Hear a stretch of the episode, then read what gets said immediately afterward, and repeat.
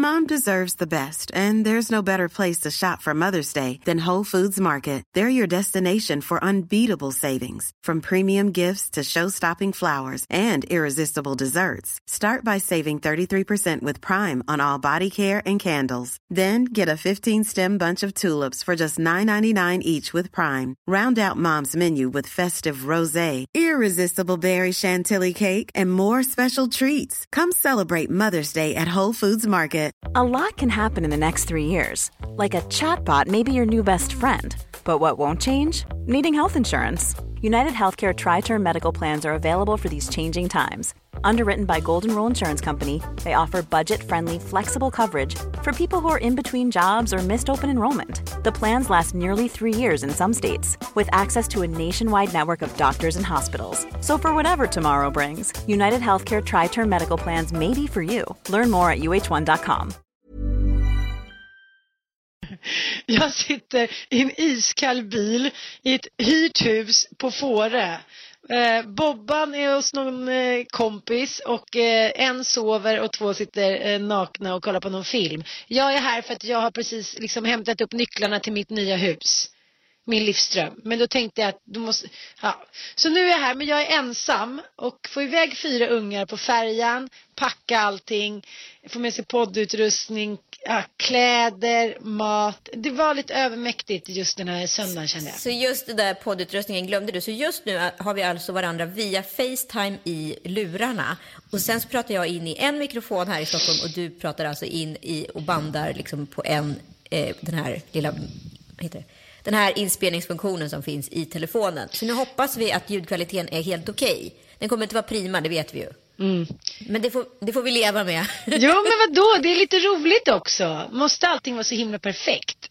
Lyssna på hennes försvar. Nej, i din värld behöver det verkligen inte vara det. Jag tycker, jag tycker att inte allting behöver vara så himla perfekt. Jag tycker att det här är jättekul. Jag skulle också vilja köra röksignaler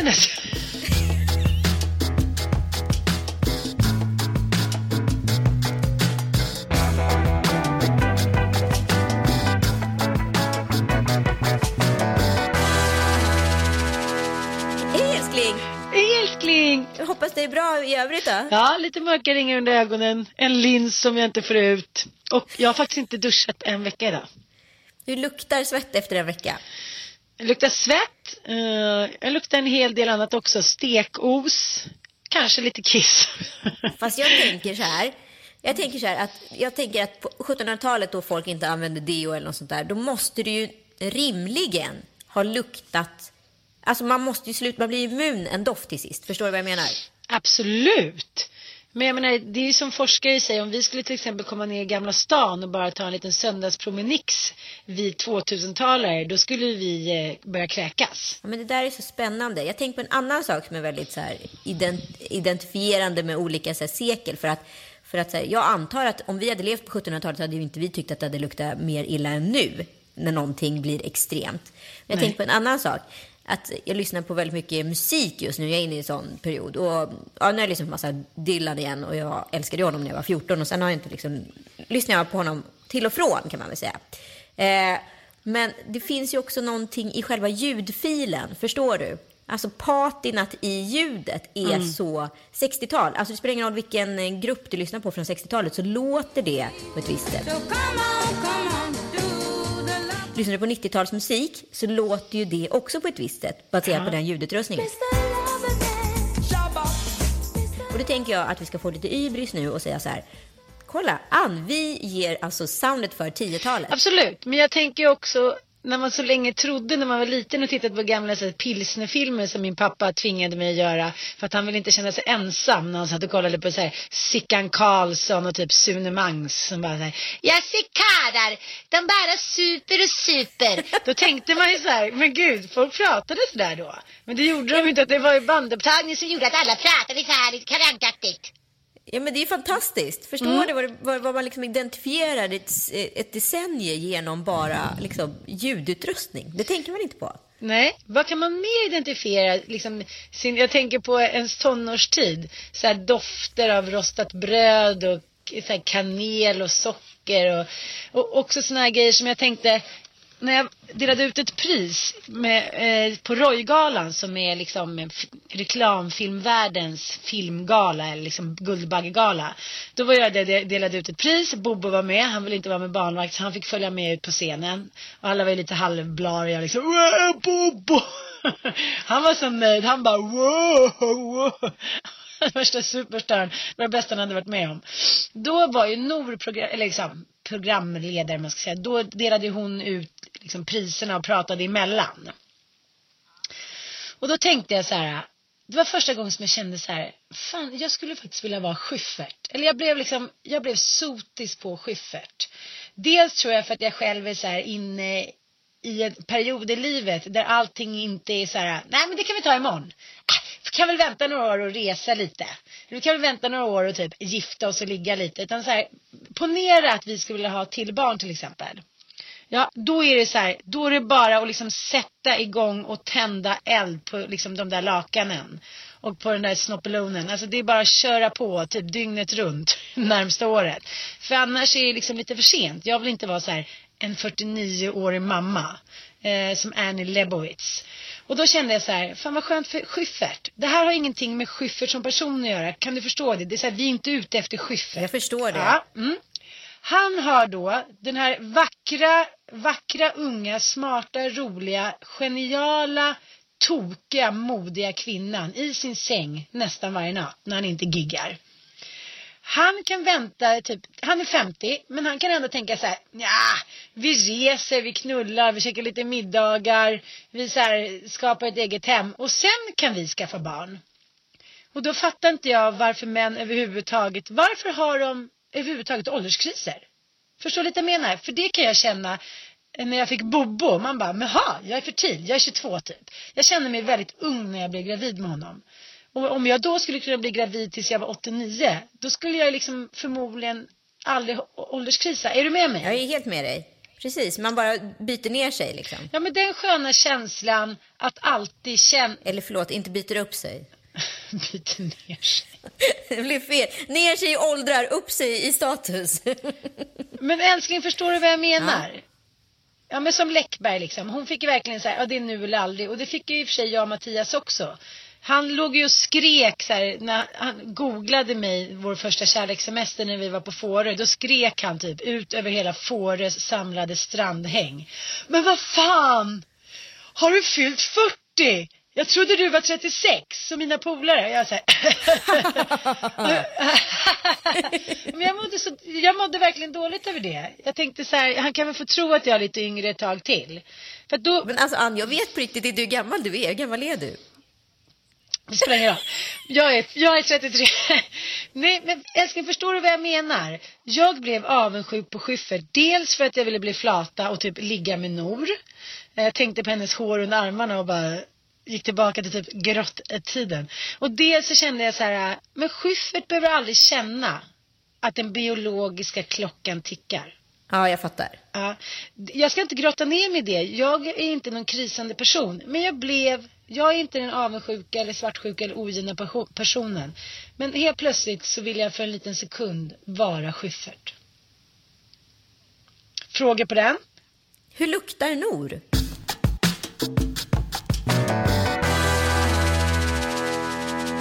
Vilja visa dig min buske under armen nu men det syns ju inte i podden. Men jag tänker också när man får geografiskt avstånd till den ytliga stan, vilket den ändå är på sitt sätt.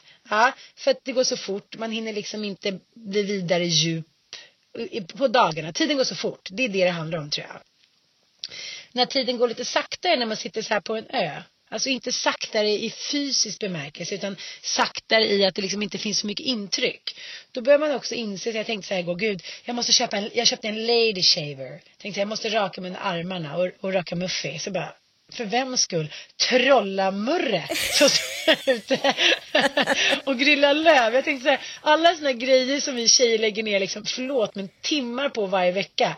Här skulle jag få ligga med typ Leffe nere på liksom fiskekrogen. Även fast jag liksom gick med trollemors pullhårhäng. Förstår jag menar? Men det är det som är kanske charmen med att liksom leta upp i den äldre skalan om man nu ska prata om det, det spektrat också. Men för jag träffade en, Ja! en, en känd 45 plus kvinna som, som sa till mig, ja nu är det liksom kört. De här yngre killarna vill inte längre ha mig för de vet att jag inte längre är fertil. Eh, jag har ju kommit till klimakteriet men däremot så blev jag uppvaktad av så här P.O. Enquist och liksom den, den ligan. Liksom. Och där spelar det ju ingen roll om man har en trollmor murra, murra mellan benen. Liksom. Men jag menar inte något negativt, jag. menar bara att lite längre hår. Alltså kalaskulehår. Ja, kissetofsen? Ja, men alltså, ja, ja, lite kiss i tofsen. Men, men jag menar bara såna grejer som män och vi tillsammans har uppfunnit för att vi ska så här, framställas som fräscha. Ja. Jag kommer ihåg en gång när jag, när jag då hade min lilla singelperiod. Då hade jag lite muffekuffe med lite yngre män. Ja. Och då sa inte de killarna så här. Okej, jag säger det. Säg det. Nu, nu verkar det som att jag ska säga värsta grejen, men det är inte värsta grejen. Han sa så här, hur vill du att jag ska raka pungen? Vill du att jag ska ha porrpung? Och jag bara, det skiter väl jag i. Alltså, det var inte viktigt, alltså, vadå? Det, det får väl du avgöra själv. Men han ville ju vara jämlik, Ja. förstår du vad jag menar? Han ville så här, om tjejen nu rakar Muffy, då undrade han, hur ville han att jag skulle raka, ja, att han skulle raka pungen? Ja, såklart. Men också som att du går och tänker på det. Och, alltså, det måste vi också så, adressera här. Hur ofta går man och tänker på någon annan? Alltså du tänker så mycket på dig själv. Förstår du? Du är fullt upptagen med dig själv och hur du uttrycker dig och hur du ser ut och alltihopa. Men du hinner ju inte tänka på, alltså jag har aldrig tänkt tanken på hur Kalle ser ut mellan benen. Om det inte är så här extremt någon gång när man så här, herregud du har världens längsta könshår. Men då är det ju liksom extrema Men, men alltså det måste grejer. Jo men, jo men jag fattar, men det här könshåret har ju också en bäst före-längd. Jag kan inte tänka mig som att vissa kvinnor som är med gynekologer som har så här fyra meter långt hår, så långt, även fast jag skulle spara till liksom jag blev 97, så skulle inte det vara nere vid fötterna. Nej, jag vet. Eller? Eller? Men det enda jag tänker på när jag ser de där kvinnorna för övrigt är hur de gör när de går på toaletten. Tänk om så här, kissetofsen får en ny betydelse liksom. nu, blev det, nu blev det väldigt högt. Ja, det blir det högt. Primaten, prim, primaten i mig verkar typ sättas igång när jag är inne i det här icke-urbana samhället.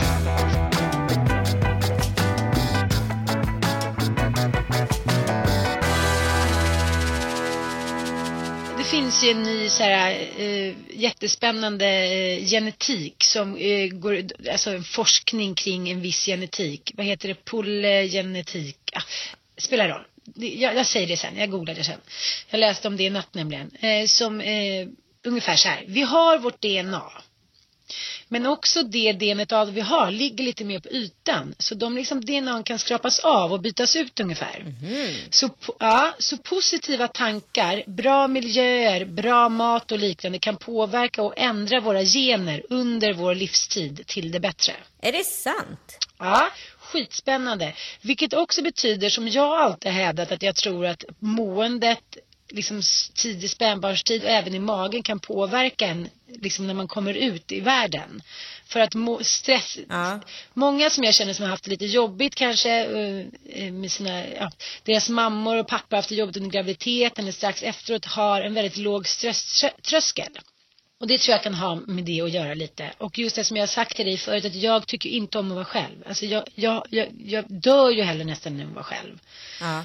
Att jag blev då bortlämnad de första veckorna eftersom jag var så liten. Så jag fick ju ligga själv då i en liten sal och mamma och pappa kom över dagen och kramades lite. Det är lite oklart hur det där gick till. Jag tror att det har lagts i mitt, på mitt ytliga DNA att jag är så här, jag måste vara en flock. Det måste vi alla. Men att jag på ett hysteriskt sätt måste vara en flock. ja. Och du har ju skapat en egen flock. Jo, absolut. Väldigt många flockar. jag bara, jag är glad att alla har överlevt. Att det är inget lejon som kommer och taggar. I och för sig har jag en liten armé med Chuckies. Ja. Ja, men de, det är kanske är därför jag bara för killar. De ska kunna hjälpa mig att försvara mig. Men det som också eh, de här forskarna säger, är en amerikansk forskare som är ledande på det här, är ju också då att det som vi käkar i barndomen och det som vår farmor käkade eh, när hon levde sätter sig också ytligt då på våra DNA. Så då fick jag ännu mer panik för att så här, barnen eh, får käka hämtmat fyra gånger i veckan typ. Det är intressant i alla fall. Så då är det lite så här, ja men då kan man också eh, påverka sina gener väldigt mycket med att tänka positivt. Nu kommer vi tillbaka med den där lyckoforskningen, men det blir på ett djupare plan då. Att om man blir sin egen lyckas smed, att man tänker positivt. Men man kan ju inte bara, vad heter det, tänka så här, nu ska jag tänka positiva tankar, åh vad fint väder det är, åh vad, alltså det är inte så positivt, utan man måste ju bygga inifrån och ut. Va? Precis, och då är vi kvinnor uppfostrade att vi då blir lyckliga när en man liksom gör oss lyckliga. Jag ska inte säga, jag har också Aha. haft en tron i många år att så här, eh, men bara den där mannen ger mig den där orgasmen, bara den där mannen ser till att jag blir lycklig, bara den där mannen överraskar mig på det här sättet. Tills jag efter min faktiskt förra separation kände så här, nej, det är bara jag själv som kan göra mig lycklig. Och den insikten, även fast den låter så här banal och ja men det är såklart att det är så. När jag började leva efter den på riktigt så måste jag säga att mitt, hela mitt liv förändrades. Förstår du vad jag menar? Mm, jag fattar precis. Ja, men det blir ju som en omprogrammering. Jag tycker jag pratar gärna om det runt mat. För att jag har ju verkligen haft mat-epiphanies sen jag liksom började tänka på det här med mat. Eh, att man så här, inte har brun sås, potatis och kött. Alltså att det inte är det som är mat. För det var ju liksom ett frågasättande tidigare. Att allt annat som inte var det, det kategoriseras för mig som sallad. Och sallad var inte riktigt mat, utan det var liksom någon typ av mellanmål. När man så här inser att mat har en, liksom, ett större spektra så förändras ju mycket i ens liv. Liksom. Och det blir också väldigt mycket roligare att äta. Och där har vi ett sätt att hitta lycka. Alltså utav många olika sätt. Okej, du slutade använda brunsås och blev den lyckligaste kvinnan i världen. Underbart älskling, underbart älskling. Det jag skulle vilja säga att ibland får man jobba lite hårdare för att nå en dröm.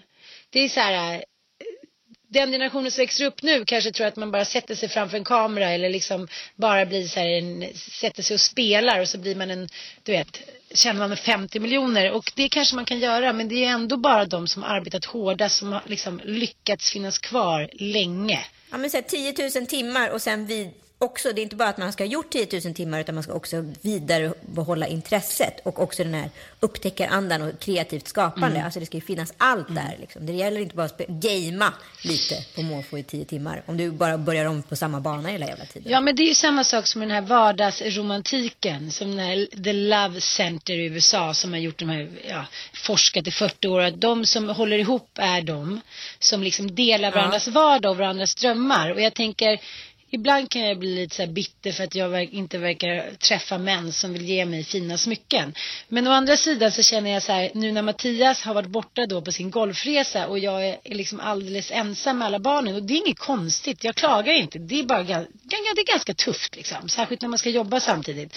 Men just det där när man får ett litet sms, så här, jag hoppas det är bra och jag förstår att det är jobbigt och jag finns här och jag saknar ju så mycket. Alltså att man bara får en liten sån grej per dag gör ju att man bara borstar av sig och går vidare. Istället för att det liksom som alla jävla SAS-chefer hävdar så här. Det, det spelar ingen roll om man är med barnen mycket eller lite. Det är kvaliteten som räknas. Det är kvaliteten på kärleken till kvinnan. Nej, det är det inte. Jag vill ha min man där. Och mina barn. Sen är det jäkligt härligt att sakna honom. Eller som Kalle ringde till mig då, så glad, glad i hågen som att han skulle så här, nästan fria. Bara, vet du vad? Jag har fått en sån jäkla bra försäkring. Så Anita, om jag dör, du kommer bli så himla rik, vet du. Och jag blir lika glad för det som han, höll jag på att säga. Ja, men det är väl... Det är också det, kärlek. Men det är verkligen kärlek. Ja, Det är omtanke om inte annat. ja men en kompis till mig. Och jag är lite girig. Ja, men vad då? Det är det som man säger. Om, om Kalles balle skulle gå och dö och du inte hade en spänn, ja då skulle livet bli jävligt mycket tyngre än om, om du fick en försäkring på tre mil. Ja, men jag, jag tänker på de här alla så här äventyrare och alla liksom 40 plus risktagare på olika sätt som så här, du vet, stretchar det där lite för långt och kanske åker på någon så här ball skidresa och så hä- händer den här olyckan och så täcker inte försäkringen och så står kvinnan där kanske på noll. Fan alltså. Själviska satar. Ja, men är det själviskt? Alltså det ju, finns ju något fint i att vilja liksom så här uppnå någonting, men i, alltså förlängningen blir ju alltid självisk. Men man kan ju inte där och då tänka så. För då limiterar man ju livet, eller? Men jag tycker att det där är skitsvårt. För ena sidan, jag har sett de människor som har limiterat varandra. Det har ju inte funkat. För den ena personen som har blivit limiterad har ju blivit en spillra av sitt forna jag. Och bara en grå, eh, deppig zon som har gått och längtat bort. Och sen har det tagit slut. Men samtidigt så är det så här. Men om man har olika drömmar då? Om den ena vill åka till Himalaya och den andra vill så här, skapa sig ett radhusliv i Farsta liksom, hur gör man då? Om man ändå älskar varandra och har en familj. Jag tycker det är skitsvårt. Å ena sidan kan man vara så här, ja men då får du hänga med på... Alltså då bygger man ett radhus på Himalaya. du är ett geni, du är ett geni. Ja, men det, det kanske är en kompromiss. Jag menar bara att även fast man är, jag tycker kvinnor kan bli väldigt starka i sin så driv, drivande känsla av att nu ska vi ha en perfekt familj här, särskilt med första barnet och allting ska vara så fint och perfekt och det ska vara parmiddagar hit och dit. Och så kanske den andra inte alls vill ha det så. Förstår du vad jag menar? Då kanske man får se, man kanske vill säga så här, nu eh, följer vi dina drömmar eh, det här året. De kanske inte kan vara liksom lika storslagna som det var tänkt från början. Men man får kompromissa där med. Men, men om man så här limiterar varandra och dödar varandras drömmar. Nej men då blir ju livet bara liksom en enda lång kräftgång.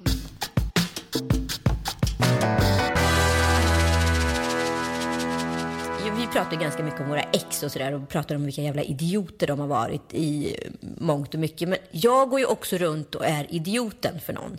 Och liksom, jag har bara bestämt mig för att det kan ju inte jag kontrollera såklart. Men jag har ju bestämt mig för att jag inte orkar vara en idiot-ex till. Alltså om jag och Kalle separerar så ska inte han tycka att allt med mig har varit katastrof. Bra älskling! Men varför skulle han tycka det för? Varför skulle han helt plötsligt tycka att allt med det var katastrof att, om det tog slut? Nej, men det hänger Nej, men det hänger ju ihop med att jag har varit så pass mycket idiot så jag har limiterat många utav mina ex så mycket. Så att så här, de fick aldrig göra den där drömmen och livet med mig i slutändan blev tråkigt och jag var den enda förloraren i det spelet. Jag säger inte att alla män måste åka och, och liksom bestiga Himalaya, det är inte det jag säger, men jag säger att det är så farligt att säga att vi pratar ju om det ur ett så här försäkringsperspektiv. Ah, och sen så besteg han det där berget och det är så läskigt. Och man tycker att när man tänker på riskerna så blir ju allting så mycket farligare hela tiden. Livet blir ganska skört med risker. Men å andra sidan så här, vågar man inte liksom uppnå någonting högre så kanske inte någon kan följa med på, på kuppen, förstår du? Mm. Ja, men jag fattar. Men, Eller var jag jätteluddig nu? Nej, men du var inte luddig. Men det är igen det här en kvinnofälla fortfarande. För att vi föder ändå de här barnen, många av oss ammar. Det är just liksom, det, de här kriserna och Himalaya-drömmarna brukar på något konstigt märkligt sätt sammanfalla lite med barn, 30-40 års kriser. Och det är det jag menar, att på något sätt så blir det lite en kvinnofälla. Men jag tror ändå på att där också som kvinna ta sin plats. Och det är det jag känner nu att Mattias, när jag åker iväg och han får ta hand om mina barn och jag vet att det är jobbigt. Jag vet hur jobbigt det är när man har en sjuk unge som inte sover på nätterna. Sen ska man få upp tre så här galna tweenies på morgonen. Men han, han klagar liksom inte. Jag ser ju på honom att han är trött. Och häromdagen kollade han sig i spegeln så bara, men gud, jag börjar se medelålders ut. Jag bara, ingen fara älskling, ingen fara, du ser, du ser ut som 22. Nej men så här, om man nu åker iväg och får göra sin dröm, även om det är en månad eller två dagar eller vad det nu är, då vill man inte ha den lilla kniven i ryggen hela tiden, för då är det ändå inget kul att vara där. Nej, men exakt. Jag har inte fått sova, nej jag har inte fått göra det. Men det är jäkligt lätt. Hur många gånger har man inte velat trycka mm. på den där lilla smsen och bara Kul för dig, här är så kul. Ja men som när jag ringde när Mattias nu när han har varit i Portugal så sitter de tio grabbar och dricker öl på en så här skön bar i typ Lissabon. Och klockan elva och jag har gjort något moderatorjobb eh, och står med Bobban som har liksom öroninfektion på T-centralen med Dante. Någon slår ner varandra utanför polisen kommer och jag kommer inte ihåg Bobos fyra sista och han svarar inte. Ja, du pratar om dina söner, de, ja. slog ner varandra. Du kunde inte nej, nej men det var ett bråk utanför T-centran. Det var ju enda apoteket som var öppet. Och då ringer jag till Mattias och han är så här, hallå? Herr Johansson här. Ja. och jag bara, din äckliga lilla svennebananagubbe, sitt inte och säg att du heter herr Johansson även fast du gör det. Jag vill ju bara skrika så här. Men förstår! Ja men förstår du? Han ville ju vara lite rolig, han var ju på gång. Han var ju så här, levde ju livet Ja. med sina polare. Och i vanliga fall hade jag ju han tyckte jag, hade jag tyckt att det var skithärligt och bara Okej herr Johansson, du vet man spelar med. Mm, man kittlar dem under hakan. ja. Ja, det var kul, han är kul liksom. Nu var det bara så här. Okej vad fan är de fyra s- Fyra sista bokstäver, som att det var hans liksom. Då var jag tvungen att lägga över min frustration på att det var han, han var tvungen att kunna de här i huvudet och inte jag. Men då svalde jag, jag svalde så hårt då. Var du duktig då? Ja, jag bara, okej jag ska ha det så kul, jag ringer lite senare. Sen råkade jag skicka iväg en freudiansk fel-sms som det stod Buddy på. B-U-D-D-Y. Jag vet, som att han var en dålig buddy, men jag vet inte var det kommer ifrån. Vi är ju väldigt otraditionella, det måste vi ändå säga om oss. Ja. Vi lever ju faktiskt, de där kvinnorna vi pratar om och försöker vara offer av ibland. Nu går du ur bilen här, Ah. lite. Måste ladda. Ja. Nu måste ladda här batteriet i dubbel bemärkelse. Eh, nej men vi har ju faktiskt gjort en grej som är bra. Det är att vi, så här, vi jobbar med barn. Alltså vi skiter i att vi har spädbarn och ska vara så kallat per definition föräldralediga ett år. För att det kommer ju bara förskjuta vårt liv på ett eller annat sätt. Utan vi, eh, vi vad heter det, jobbar med barn och eh, lever som en män i princip. Ja, absolut. Det, det är ingen synd om alls. Någonting, för jag, om vi nu förändrar våra DNA Ja. eh, på det sättet så kanske vi på sikt Precis, gud vad bra.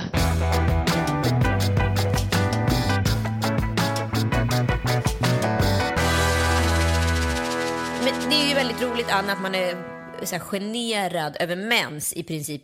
Alltså det är som värst genansen om man nu skulle göra något typ av diagram. Precis när man får den. Och så sakta, sakta, sakta i livet så blir det liksom lite, lite bättre. Eh, och den är som allra bäst, det är tydligen när man är plus 50 och inte hamnat i klimakteriet. För vet du vad en tampong kallas då? Nej. Skrytsnöret. Nej. Då är man liksom den hetaste 50-plussen som fortfarande är fertil. Jo, exakt. För jag tänkte på det häromdagen när jag fick mens. Så tänkte jag så här, men herregud, den här är så idiotiskt påfund. Det bara liksom forsar, man vaknar mitt i natten och att det rinner och det är blod överallt och hit och dit. Och ändå så börjar jag liksom omfamna det mer än när jag var 20. Förstår jag menar? För jag tänker så här, det finns ett slut på det där. Det är samma sak som jag pratade förut om med Schyffert. De har aldrig haft någonting, de har heller inte fått föda barn, vilket jag tycker var en häftig grej. De har inte haft mens, de kommer inte få vallningar.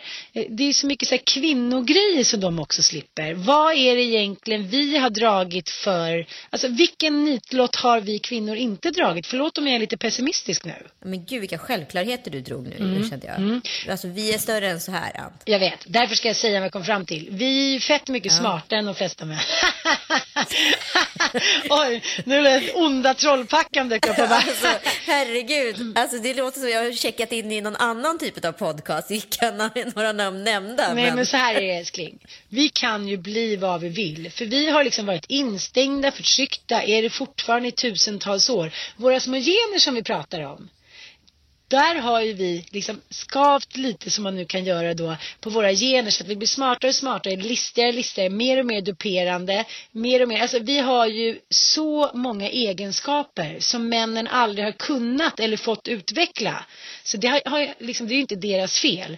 Så att jag tror verkligen på den där Amazonas. Inom så här 30 år kommer vi kvinnor ha tagit över världen. Och det, även fast vi så här låtsas och så här, på 40-tals kvinnosätt så här, klappa på våra män och låtsas att de är den smartare i familjen så är det ju inte så länge. Nej men så är det ju inte. Men vi har ju varit eviga underdogs så att vi har ju haft möjligheten att slipa våra finesser under så många hundra år. Så det är väl klart, om vi nu pratar om DNA-kopiering, att det är klart att vi har fått det våra kvinnor har fått våra kvinnor i historien har varit med om. Men jag tänker ändå, om vi skulle kunna komma ifrån det där att vi kvinnor så här ska sätta dit varandra, är rädda för varandra, du vet på det här klassiska kvinnosättet, för att vi fram till, i, i, ja, fortfarande är så i många delar av världen, vet att om våra män inte vill ha oss så överlever vi inte särskilt länge. Men om, nu är det ju inte så länge. Vi överlever ju både en, två och tio år utan våra män och blir faktiskt lyckligare ofta utan våra män. Eh, I alla fall initialt och förverkliga oss själva. Men tänk om vi kunde så här, ta bort den där lilla DNA-grejen där vi sticker kniven i, i ryggen på varandra och bara är så här såta, sköna, solidariska systrar. För fasen, då skulle vi verkligen kunna göra uträtta storheter alltså. Förstår du vad jag menar? Ja, men vi kanske inte ska bara prata så här centrerat om Sverige, utan det finns ju faktiskt det som har skett i exempelvis, jag tror det är Singapore eller om det är Shanghai. Där är det ju så att mm. kvinnorna, eh, de har alltså startat nästan som egna communities i, i Singapore. De har insett att så här, hej, vi kan föda barn och vi kan, vi kan jobba bättre än män. Vi är mer högutbildade och vi är snabbare på alla sätt och vis. Eh, så det finns liksom helt egna liksom typ hyreshus där bara kvinnor bor. Och sen så träffar de då män då och då, egentligen bara för ett så här avelssyfte. Förstår du? Aha. Nu. Och männen är då bönder och är kvar ute på så landsbygden och är så här, brukar åkermarken, för det är typ det de är lämpade till. Så de har ju liksom blivit boskap i boskapen, bland boskapen.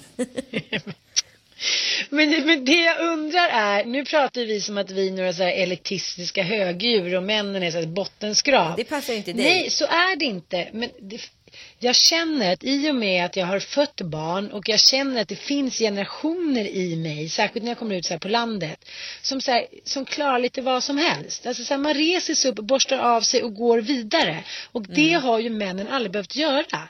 Vi har alltid stått där med liksom kossan i handen eller trosan i handen eller barnen i handen. Och sen så är man sur på dem för att de inte liksom har blivit jämlika på vad blir det, 60-tal, ja 40 år. Liksom, det är också så jävla orättvist, även fast jag pratar i klyschor nu. Jag önskar att man kunde så här, på något sätt omprogrammera oss alla till någon form av så här, ja du vet, gemensam värdesättning. Inte så att vi ska vara arga på männen för att de spelar golf, för de ska vara arga på oss för att vi är ditten och datten. Måste allting vara så, så här killigt och tjejigt? Kan det inte bara vara lite så här allmängiltigt? Jag menar, ta till exempel en liten pojke som går in i en affär, som jag sa till Dante när han var tre. Du får ta vilka skor du vill. Det är inte så att han tar ett par grovhuggarkängor och är så här, åh kolla vilka fina mamma. Han tar ju det som är fluffigt. Han tar ju också prinsesskorna. Alltså vi är ju alla på något sätt människor och sen så finns det klart biologi och DNA. Men tänk om vi bara kunde så här fluffa lite på den där genetiken och så här, på något sätt bara vara människor istället för hela tiden typiskt killigt, typiskt tjejigt, typiskt det, det, det. Vadå typiskt? Det är ju egentligen ingenting som är typiskt. Det är vi som skapar det typiskt. Fast det finns ju någonting som jag tycker ändå är typiskt på ett obehagligt sätt. Det är ju att så här, vi är alla mammor eh, till både pojkar och flickor. Men pojkar är ju de som går in på en skola och mejar ner andra elever. Varför mm. gör inte flickor det? Mm. Jo. Ja, men det har ju så... Är det, är det, är det kvinnornas fel eller var, var ligger felet? Och jag menar, så här, psykisk ohälsa finns ju både bland kvinnor och män. Men varför blir, ut, yttrar sig eh, manlig psykisk ohälsa på det sättet? Kanske för att den kan. Förstår du vad jag menar? Kanske för att det finns en kultur att män alltid har gjort det i alla tider. Och då är det liksom inget hinder. För en kvinna att göra en sån sak och inte ha någon role model så blir det ett helt annat stigma och ett helt annat steg. Ja, man, man imploderar istället. Man tar ut det på sig själv istället för att man tar ut det på omgivningen. Precis. Är det det du menar? Mm. Men det där är ju ingenting som kanske du och jag kan sitta och säga, åh det beror nog på det här och det här. Hela saken och hela liksom klimatet som råder just nu, det mörka svarta klimatet är ju jäkligt sorgligt och till slut så händer ju såna här grejer och folk ska vara så här, nu händer det i Sverige, vi är så chockade hit och dit och fram och tillbaka. Varför skulle det inte kunna hända i Sverige? Vi tror fortfarande att vi är så här, något bondesamhälle där typ Lasse Berghagen går omkring och sjunger små truttelutter på gatorna. Det är inte så. Ja, men du har helt rätt där, Anna. Ja, absolut. Ja, men om alla var som Lasse Berghagen och Lill-Babs, då skulle ju inte några liksom, skolmord i Trollhättan ske. Det vet ju du och jag med. Men jag tror att det mm. finns en mycket djupare grundlig analys på det här, så här stressiga miljöer, barn som det ställs krav, det finns tillgång till allting men kanske inte till kärlek. Jag tror att det är en hel podd älskling.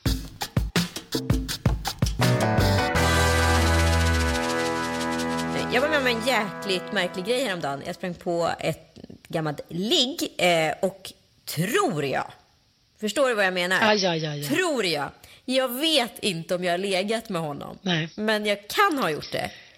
Men jag vet inte. Och det är så märklig stämning. Just på grund utav att jag inte kan adressera om jag har legat med honom eller inte. Lustigt att du påpekar detta. För på Gotlandsbåten i förrgår så händer samma sak. Jag ser den där killen, du vet jag känner i min kropp att han har varit liksom någonstans där inte alla har varit. Du vet, det är bara så jag sugs in, men jag kommer inte ihåg var. Och han blir så här stressad och fnittrar lite och så här, hej hej hur är det? Och hans fru tittar lite så surt på mig. Men fortfarande än idag, två dagar senare, så kommer jag inte ihåg när, hur och var. Och då är det här frågan, är vi eh, superslampor eller börjar vi få dåligt minne? Eller en blandning av både och? Ja, det är det jag liksom brottades med också. Framförallt är det så här, jag har legat med väldigt mycket män och det har ju du med, det vet ju jag. Det har jag aldrig sagt. Det har jag aldrig sagt. Nej, det har jag aldrig sagt. Eh, jag tycker det var en ganska kul erfarenhet och också ganska så här, ja, kunde, jag kunde gjort med att strunta till 70 procent ungefär. Men den här mannen då ingick i den här skalan av de här 70 procenten. Eh, och där har det varit många gånger att man har gått hem med killar i unga år och liksom hånglat och sovit över och sen vet man inte riktigt om de har slunkit in eller har inte gjort det helt enkelt. Fast nu ska jag ge dig en riktig skämskudde. Den blir avslutningen oh! på den här. För att jag tror nämligen att mina barn, ja, vilken sekund som helst så kan det här huset sprängas i luften eller, eller brinna upp eller något. Det jag skulle säga är att det finns ju situationer som vi vet i ungdomens syndiga dagar när vi har druckit lite för mycket, man kommer inte riktigt ihåg på morgonen, så här, vad hände? Den där, den där historien bär ju nästan alla på. Och det är inte för att jag ska romantisera det här på något sätt, utan vi, vi bär nästan alla på en tum och glömhistoria som vi inte kommer ihåg på morgonen. Det knapplösa knullet fast det inte blev liksom romantiskt. Mm. Ja, men det som hände mig är att det hände inte alls när jag är ung, utan det hände för några år sedan. Att jag vaknar på morgonen efter en så här fin, jag har varit på en fin middag med kockar och journalister. Så här, det har varit crème de la crème. Går ner på baren här på mitt kvartersbar. Vaknar upp på morgonen, ser fyra små svarta hårstrån och har fortfarande inte frågat den killen vad som hände. Jag vet inte att han har följt med upp, jag vet inte, han var gift, eh, vi har träffats några gånger och han är så här, verkar tycka att jag är råhet.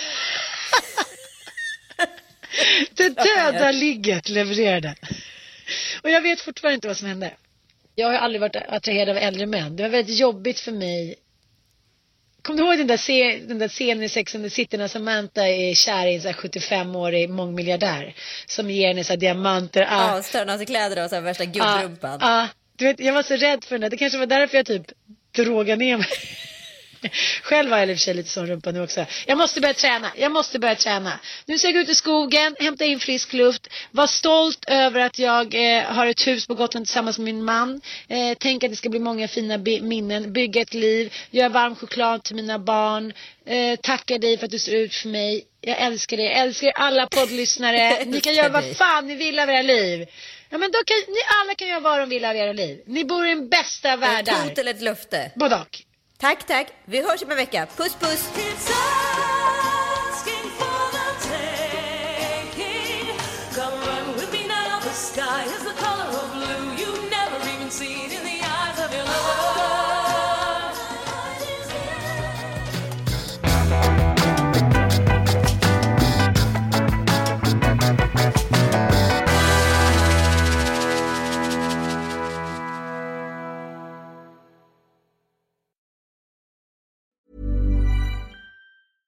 Imagine the softest sheets you've ever felt. Now imagine them getting even softer over time. That's what you'll feel with Bowl and Branch's organic cotton sheets. In a recent customer survey, 96% replied that Bowl and Branch sheets get softer with every wash. Start getting your best night's sleep in these sheets that get softer and softer for years to come. Try their sheets with a 30-night guarantee. Plus, get 15% off your first order at bowlandbranch.com. Code BUTTERY. Exclusions apply. See site for details. Imagine the softest sheets you've ever felt. Now imagine them getting even softer over time. That's what you'll feel with Bowl and Branch's organic cotton sheets. In a recent customer survey, 96% replied that Bowl and Branch sheets get softer with every wash. Start getting your best night's sleep in these sheets that get softer and softer for years to come. Try their sheets with a 30-night guarantee. Plus, get 15% off your first order at bowlandbranch.com. Code BUTTERY. Exclusions apply. See site for details.